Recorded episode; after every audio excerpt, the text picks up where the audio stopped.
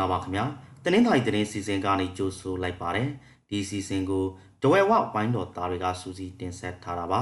ဒီနေ့ဇန်နဝါရီလ17ရက်နေ့မှာဖြစ်ပေါ်ခဲ့တဲ့သတင်းကြောင်းရာတွေထက်ကပထမဆုံးတင်ဆက်ပေးချင်တာကတော့လောင်လုံးမြို့နယ်မှာနေငါလုံးမိရှုခံရတဲ့အကြောင်းဖြစ်ပါတယ်လောင်လုံးမြို့နယ်ထက်ကဟင်ချိုတော်ရွာကိုဒီနေ့မနေ့ပိုင်းကလက်နက်ကင်လူတဲစုဝင်လာပြီးနေငါလုံးမိရှုသွားပါတယ် အနဲ့ရောင်အရာဝတ်ဝတ်ထားတဲ့လက်နက်ကင်လူ20လောက်ကရေလန်းခရီးကနေရောက်လာပြီးမိရှို့သွားတာပါလက်မောင်းမှာအဖြေအောင်လက်ပတ်တွေပတ်ထားတဲ့အဲ့ဒီလူတွေဟာပီစော်တီဖွဲ့လို့ဒေသခံတွေကပြောဆိုကြပါတယ်မိရှို့ခံရတဲ့နေပိုင်ရှင်တွေဟာ NLD ပါတီဝန်ရံဖူးသူတွေဖြစ်နေတာနဲ့မိလာရှို့သူတွေကဲဆောင်ထားတဲ့တနတ်တွေမှာစစ်ကောင်စီတပ်ဖွဲ့ဝင်တွေကဲဆောင်တဲ့အမှန်သားတွေတွေ့ရတယ်လို့ဆိုပါတယ် မိရှို့ခံရတဲ့နေအိမ်ငါးလုံးမှာလေးလုံးကလုံးဝပျက်စီးသွားပြီးနောက်တစ်လုံးကတော့အနှဲငယ်ပျက်စီးသွားတယ်လို့ဆိုပါတယ်။နေမီရှို့ဖို့ဝင်ရောက်လာချိန်မှာဒေသခံ30လောက်ကိုဖမ်းဆီးထိုက်ခိုက်ထားပြီးဖိုးတွေကိုလည်းဆက်စိတ်ခက်သေးတယ်လို့ဆိုပါတယ်။နေမီရှို့နေချိန်မှာလည်းတနတ်ပြစ်ဖောက်ခဲ့ကြသေးတယ်လို့ဆိုပါတယ်။လောင်လုံးမျိုးနယ်ပြည်သူ့အုပ်ချုပ်ရေးအဖွဲ့နဲ့လောင်လုံးခြေခံចောင်းသားများတမကကလည်းဟင်းချိုတော်ရွာကနေတွေကိုမီရှို့တာဟာ ပီစော်တီအဖွဲ့ဖြစ်ပြီးအပြင်းထန်ကန့်ကွက်ရှုတ်ချတယ်လို့ထုတ်ပြန်ထားပါတယ်။လူမခိုကားတွေကိုတဝက်တိခီလာမဲ့အတိုးပြုခွင့်ယာယီပေးလိုက်တဲ့အကြောင်းဆက်ပြောပြသွားပါမယ်။လူမခိုကားစိုက်ကယ်တွေနဲ့မီနီအိုဝေတွေကို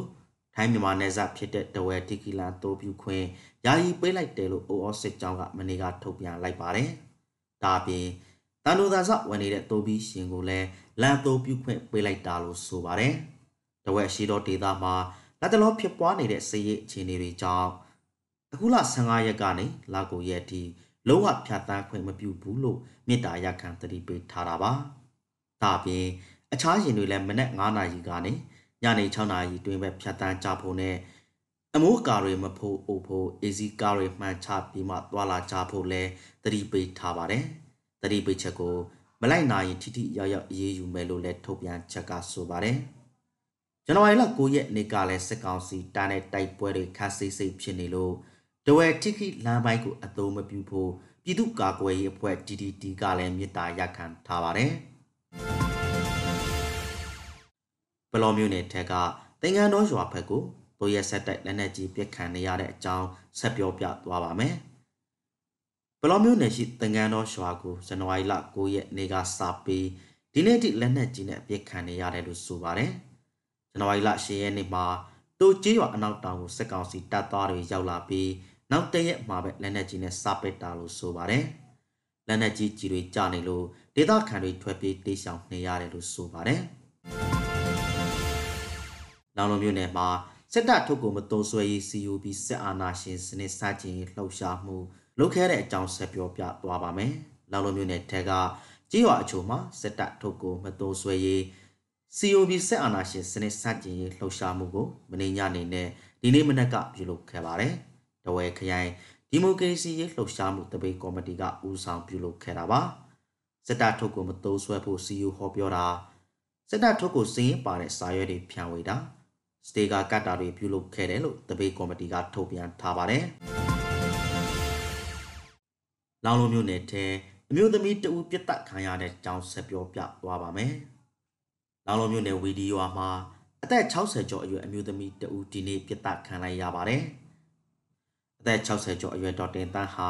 နေမှာရှိနေချေလက်နက်ကအမျိုးသား2ဦးကလာရောက်ပြစ်ခတ်သွားတယ်လို့ဆိုပါတယ်။မနေ့ကလည်းလောင်လုံးမြို့နယ်ကြောက်စင်ရွာမှာအသက်65နှစ်အရွယ်အမျိုးသမီးတဦးပြစ်ဒဏ်ခံခဲ့ရပါတယ်။ကြောက်စင်ရွာမှာနေထိုင်တဲ့ဒေါ်မမစင်ဟာနေမှာပဲပြစ်ဒဏ်ခံလိုက်ရတာပါ။အဲ့ဒီအမျိုးသမီးကြီး2ဦးကို ဘယ်သူတွေကဘယ်လိုအကြောင်းရင်းကြောင့်ပြစ်ဒတ်သွားတယ်ဆိုတာကိုတော့မသိရသေးပါဘူး။ရေပြူမျိုးနယ်မှာလည်းတပ်ဖြတ်ခံထားရတဲ့အမျိုးသားနှစ်ဦးရုပ်အလောင်းတွေကိုလမ်းဘေးမှာစွန့်ပစ်ထားတဲ့အကြောင်းဆက်ပြောပြသွားပါမယ်။ရေပြူမျိုးနယ်ထက်ကတပြေစုံရွာနာမှာ